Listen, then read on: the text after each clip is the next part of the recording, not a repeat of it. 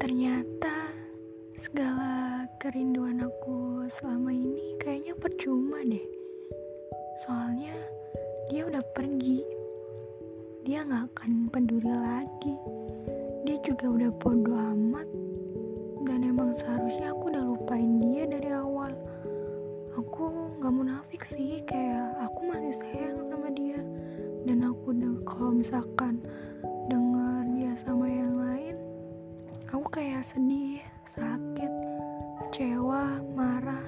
Tapi ya mau gimana lagi? Kalau emang itu udah pilihannya aku bisa apa? Sekarang aku cuma bisa berharap kalau aku ngelupain dia.